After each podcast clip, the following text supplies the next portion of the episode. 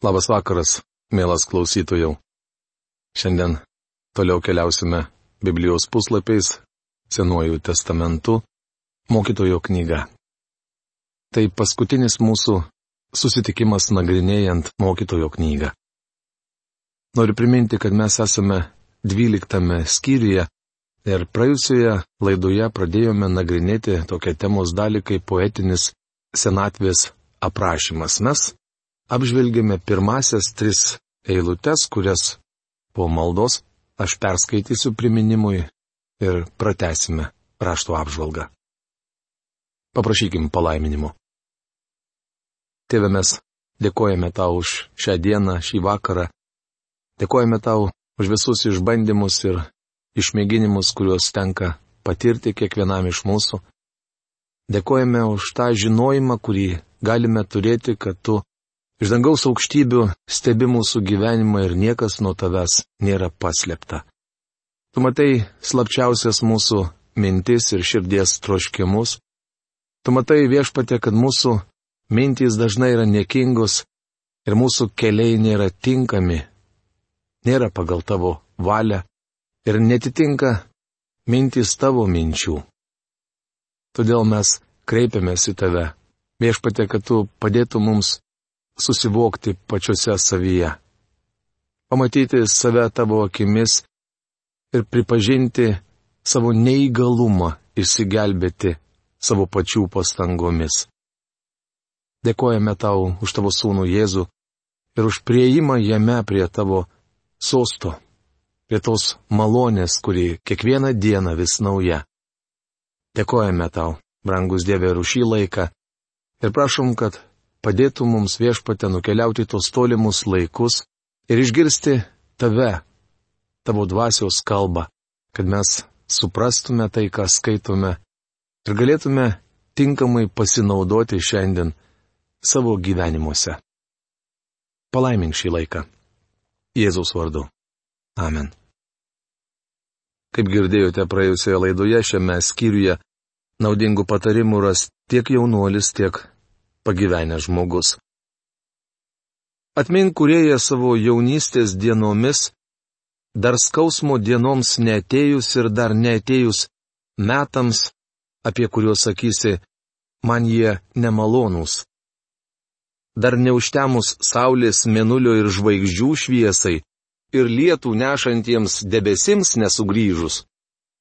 Tai dienai atėjus namų sargai drebės ir galiūnai sukniups malėjus liausis malusios, nes jų mažai beliko, o žvelgiantys pro langą matys tamsą. Tai pirma trečia dvyliktos skyriaus eilutės, kurias mes jau apžvelgėme praėjusioje laidoje. Kai durys į gatvę uždaromos ir girnų garsas tilstelėja, kai paukščio giesmė vis silpnėja ir visi dainingi garsai prityla. Mokytojo knygos 12 skyriaus 4 eilutė. Į gatvę uždaromos durys reiškia silpstančią klausą. Mano žmona sako draugams, kalbėkite garsiau, jo klausa pablogėjusi. Beje, taip nėra. Jis sako, kad aš dažnai jos neišgirstu, tačiau nepagalvoja, kad gal kartais paprasčiausiai nenoriu girdėti.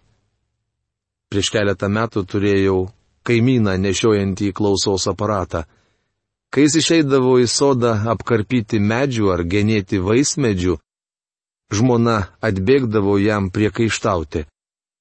Stovėdamas aukštai ant kopiečių, vyras paprasčiausiai išjungdavo klausos aparatą. Žmona skaitydavo jam moralą, o jis negirdėdavo nei žodžio. Po penkiolikos minučių jį paklausdavo, ar tik tu nebusi išjungęs savo klausos aparato? Taip vyras galėdavo daryti, kas jam patinka. Senam žmogui net gatvės triukšmas nebetoks garsus. Durys į gatvę uždaromos ir girnų garsas tilstelėja. Girnų garsas pažodžiui reiškia malančiaus moterys regis jos nebekelia tiek triukšmo kaip kitados. žodžius kaip paukščio giesmė vis silpnėja, profesorius Algirdas Jurienas verčia taip. Kai prabundama, paukščiams sučiulbėjus. Prisimenu, vaikystėje manęs nepažadindavo net garsus žadintuvo čirškimas. Jaunystėje mudviem su žmona visai netrukdė vaikų klegėjimas ar kaimininėme name garsiai grojanti muzika. Mes galėdavome miegoti moteliuose ir viešbučiuose, nekreipdami dėmesio į aplinkos garsus. Šiandien mus pažadina net paukštelio čirkštelėjimas.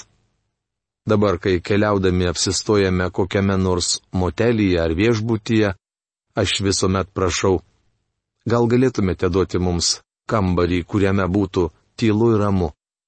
Mes senstame, ir prabundame net paukščiams sučiulbėjus. Mūsų miega trikdo bet koks pašalinis garsas. Ir visi dainingi garsai prityla. Retas vyresniojo amžiaus žmogus gali gėdoti chore. Balsas silpnėja ir darosi vis sunkiau išvinguriuoti melodiją. Prisimenu brangų brolį Homerą Rodehyverį. Jis buvo nepakartojamas dirigentas ir vokalistas. Vaikystėje aš klausydavausi jo su susižavėjimu. Prisimenu, būdamas jaunas, jis keliavo kartu su Biliu Sandiai. Homeras pūtė tromboną, gėdojo ir dirigavo. Jo balsas buvo tiesiog neprilykstamas. Vėliau aš pakviečiau Homerą atvykti į Los Andželo centre įsikūrusią bažnyčią, kurioje tarnavau pastoriumi. Tuomet jam jau buvo be ne 70 metų. Turėdavau padėti jam atsistoti ir užlipti ant pakylos. 70 metis Homeras vis dar buvo puikus dirigentas. Nemanau, kad kas nors galėjo jam prilygti. Tačiau retkarčiais jis užgėdodavo kokį posmelį. Žinote, verčiau jis būtų skaitęs giesmės žodžius. Jo balsas nebebuvo toks nuostabus kaip kitados. Taigi senatvėje išsiderina net geriausių dainininkų balsai. Tiems iš mūsų, kuriems niekada nesisekė gerai gėdoti, verčiau šlovinti viešpatį širdyje. Štai kodėl aš niekuomet neprasižioju giesmių tarnavimo metu. Nedrįstu to daryti. Ir būdamas jaunas nemokėjau gėdoti, bet dabar mano balsas skamba dar baisiau. Visi dainingi garsai prityla. Tesdamas poetinį senatvės aprašymą, Saliamonas aptarė psichologinius aspektus, kurie, man atrodo, tragiški. Kai bijomasi aukštumų ir pavojų kelyje, kai migdolas pražįsta, o žiogas vos be pasivelka ir kapario uoga tampa bejėgė. Kadangi žmogus eina į savo amžinus namus, raudotojai būriuojasi gatvėje, laukdami. Mokytojo knygos 12 skyrius 5 eilutė. Kai bijomasi aukštumų. Man niekuomet nepatiko skraidyti, tačiau buvau benugalys aukščio baime ir bepradedęs mėgautis skrydžiais lėktuvu. Bet užklupus senatvėj jaučiu, kad vėl įmu bijoti aukščio kaip iš pradžių. Mane neramina smulkmenos, į kurias jaunystėje nekreipiau dėmesio. Ir pavojų kelyje. Senatvėje mums daug kas nebepatinka. Mes visuomet mėgome keliauti. Surengėme daug ekskursijų į biblinius kraštus bei Havajų salas. Pastebėjau, kad senstant mums ir mūsų draugams keliauti darosi vis sunkiau. Įmame nerimauti, rūpintis dėl įvairių mažmožių, apie kuriuos anksčiau net nesusimastydavome. Kai buvome jauni, mūdu su žmona sėsdavome į dardantį automobilį ir važiuodavome per šalį. Niekuomet iš anksto nepasirūpindavome nakvynę. Mūsų nejaudindavo, kad motelyje, kuriame ketiname apsistoti, gali nebebūti laisvų vietų. Nesijaudindavome net jei tekdavo miegoti pakelėje. Tačiau šiandien mūsų neapleidžia baimė. Kai rengiamės į kelionę, aš viskuo pasirūpinu iš anksto ir kelis kartus išstudijuoju kelių žemėlapį. Bijomasi pavojų kelyje. Kai migdolas pražįsta. Migdolas žydį baltai. Pagyvenusių žmonių plaukai nusidažo sidabru, arba jų iš viso nebelieka. Žiogas vos be pasivelka. Kostas burbulys šią frazę verčia taip. Skeriai taps našta. Kaip mažas žiogelis gali tapti našta? Matote, senatvėje našta tampa menkniekiai, į kuriuos anksčiau nekreipdavome dėmesio. Mes labai mylime savo vaikaičius ir džiaugiamės, kai jie pas mus atvyksta, tačiau po kurio laiko imame laukti, kada jie išvažiuos namo. Senas žmogus netenka jėgų, ištvermės ir kantrybės. Daugelis mažų dalykų tampa jam našta. Ir kapario uoga tampa bejėgė. Profesoriaus Algirdo Jurieno Biblijos vertime nurodyta išnaša kaparis Spinoza yra viduržėmio pajūrio krūmas, kurio pumpurai buvo naudojami įvairioms gyvybinėms funkcijoms sužadinti. Kostas burbulys šią šventojo rašto vietą verčia paprastai. Žmogus nieko nebenori. Bėgant laikui, romantika dinksta. Galite bandyti elgtis, kaip elgėtės jaunystėje, tačiau nieko neapgausite. Prisimenu, klausiausi evangelisto, kuris buvo vedęs jauną mergaitę. Jis stryktelėjo ant pakilos, pašoko į orą ir pasakė, aš vis dar tebesu jaunas. Tas vyras tik apgaudinėjo save. Netrukus po to jis mirė. Kadangi žmogus eina į savo amžinus namus, raudotojai būriuojasi gatvėje. Amžini namai yra amžinybė. Taigi mirtis artėja. Laukdami kol bus nutrauktas sidabro siūlas ir sudaužytas aukso dubuo. Asotis sudaužytas prie šaltinio ir vandens ratas sulaužytas prie talpyklos, mokytojo knygos 12 skyriaus 6 eilutė. Čia minimi žmogaus kūno organai. Bėgant metams jie vis blogiau funkcionuoja. Sidabro siūlas yra nugaros smegenys. Aukso dubuo simbolizuoja galvos smegenis saugančią kaukolę. Senstant smegenų efektyvumas silpnėja, o po mirties jos iš vis nustoja funkcionavusios. Toliau Saliamonas rašo, kad asotis sudaužytas prie šaltinio ir vandens ratas sulaužytas prie talpyklos. Asotis yra plaučių simbolis. Ratas tai širdis, daugiau nebevarinėjanti kraujo po kūną. Šis senatvės sutrikimai yra besiartinančios mirties ženklas. Nustojus funkcionuoti minėtiems organams, gyvybė užgesta.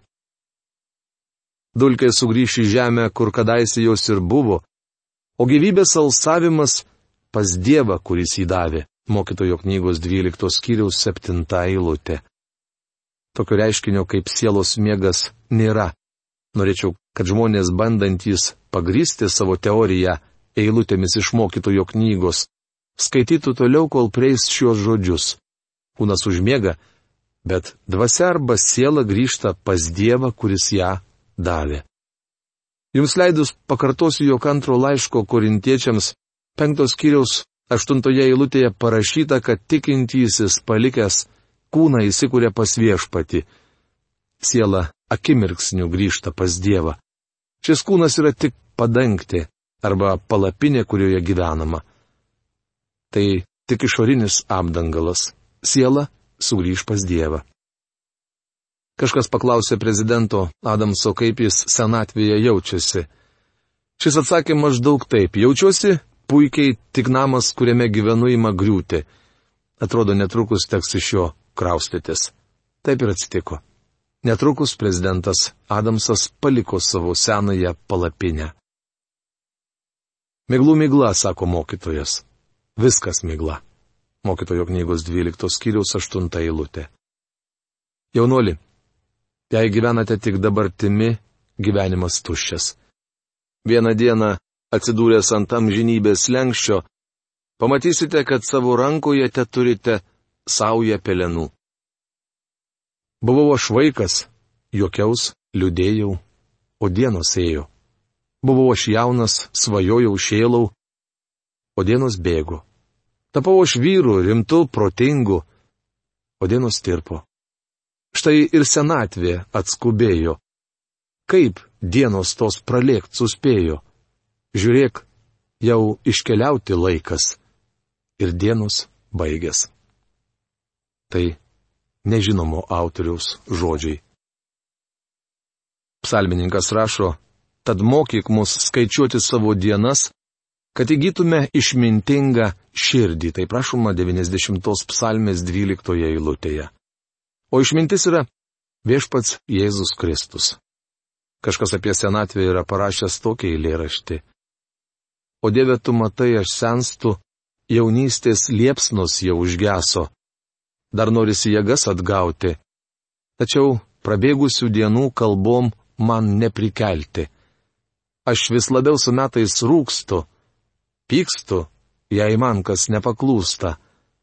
Padėk į viešpatę valdytis, suprasti, jog aš irgi klystu.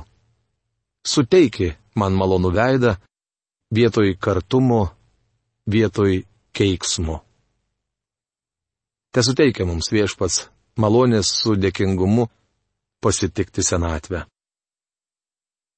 Mokytojas buvo išmintingas žmogus. Bet to jis ir žmonės mokė to, ko pats buvo išmokęs sverdamas ir tyrinėdamas, bei sudarė daug patarlių.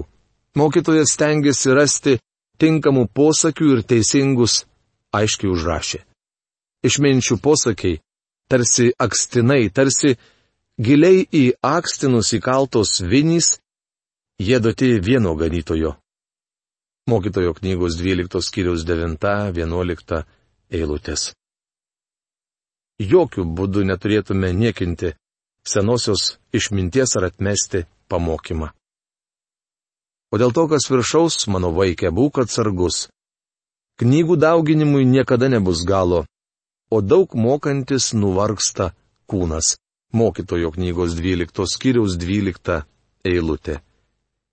Išsimokslinimas neįspręs gyvenimo problemų. Tyrimų rezultatas. Visą tai išklausius paskutinis žodis būtų toks. Bijok Dievo ir laikykis jo įsakymų, nes tai saisto visą žmoniją. Mokytojo knygos 12 skyriaus 13 eilutė. Bijok Dievo. Ta pati žinia akcentuojama ir patarlių knygoje.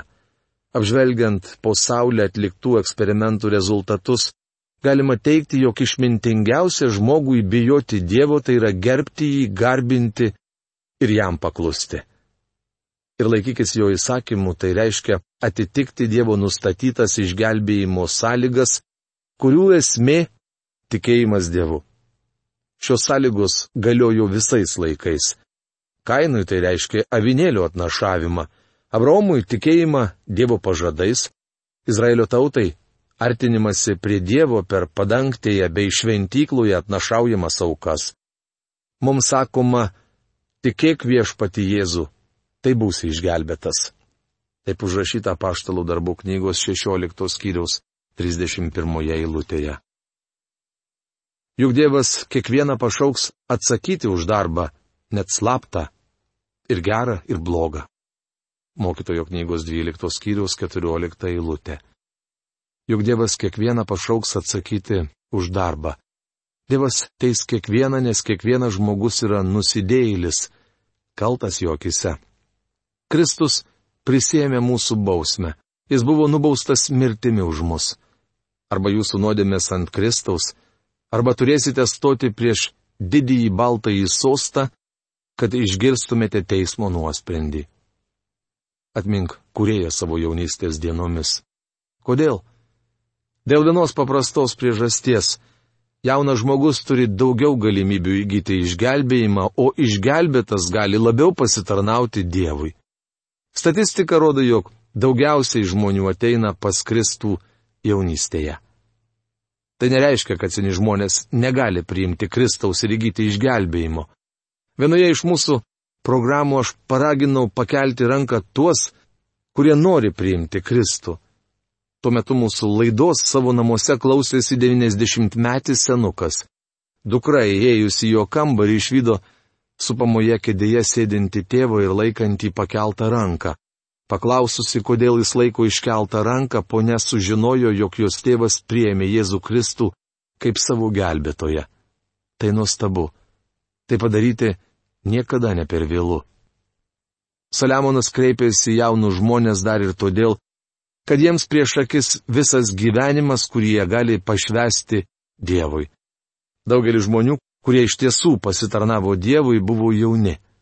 Kaip pavyzdžiui, galėčiau paminėti Jozapą, Mozę, Gideoną, Dovydą, Jeremiją, Saulių iš Tarso, Timotiejų ir visą būrį misionierių panašių į Robertą Mofatą. Šis vyras atėjo pas Kristų dar būdamas vaikas. Jis tapo misionieriumi ir sėkmingai tarnavo pietų Afrikoje. Bičiuli pasaulyje nerasite atsakymų į gyvenimo problemas. Jas gali išspręsti tik Jėzus Kristus. Evangelijos pagal Joną 6 skyriaus 37 eilutėje viešpats Jėzus yra pažadėjęs jauniems ir seniems. Ateinančio pas mane aš neatstumsiu. Ir kaipgi jis galėtų atstumti ateinantį pas jį, kada iš savo didelės meilės, o žinome visi, kad Dievas yra meilė, jisai sukūrė šitą kūrinį.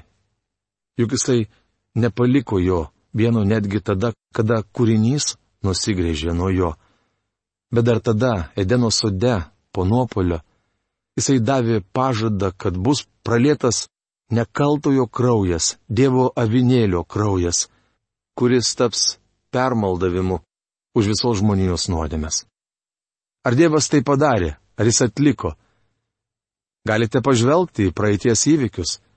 Juk Biblija mums reikalinga tam, kad skaitydami praeitie įvykusias istorijas galėtume pamatyti tą ištikimybę, kurią Dievas parodė savo mylimiems žmonėms. Todėl, mielas klausytojau, jeigu tu esi jaunas, tu turi visas galimybės šiandieną ateiti ir bendrauti su gyvuoju, nors ir neregimu Dievu. Ir būti laimingas ne šio pasaulio siūlomuose turtuose, bet tuose neregimuose, kurie padėti kiekvienam tikinčiajam danguje. Tai tavo metas. Gali atstumti mano kalbą, bet meldžiu už tave, neatstumk Dievo ištiestos pagalbos rankos. Rašte rašoma, kad šiandien yra išgelbėjimo metas. Šiandien yra ta diena, kada tu gali pakelti ranką ir pasakyti, aš noriu, kad tu dovanotum man nuodėmės ir ateitum į mano gyvenime. Mūsų laidas klauso taip pat ir senyvo amžiaus žmonės o gal jų net ir dauguma. Kad ir kokias giles tradicijas mes išpažįstume, kad ir kokios tikėjimo pakraipos būtume. Žinokime vieną, kad jokia religija negali mūsų išgelbėti. Rašte rašoma, kad po dangumi mes neturime kito vardo, per kurį galėtume būti išgelbėti kaip tik tai Jėzus Kristus. Seniems žmonėms daug sunkiau palikti savo įsišaknyjusius įsitikinimus. Palikti įsitikinimus ir supratimus, kuriuos jie įgyjo įvairiausiais būdais. Sunkiau, bet įmanoma. Todėl, kad tikėjimas tai nėra tai, ką jūs tikite, bet tai yra Dievo dovana ir jinai ateina tada, kada žmogus klauso Dievo žodžio. Kada žmogus paklūsta Dievo žodžiui, priimdamas jį ir išpažįsta jį savo gyvenimu. Mėlyi, tai Dievo darbas. Dievas su jumis susitaikė per permaldavimo auką Kristų. Susitaikykite ir jūs su Dievu per išpažinti jam, kad jūs patys negalite savęs išgelbėti ir per prašymą, kad tai padarytų jis. savo sūnuje Jėzuje. Šiais palinkėjimais noriu baigti šios dienos laidą. Iki greito sustikimų. Sudė.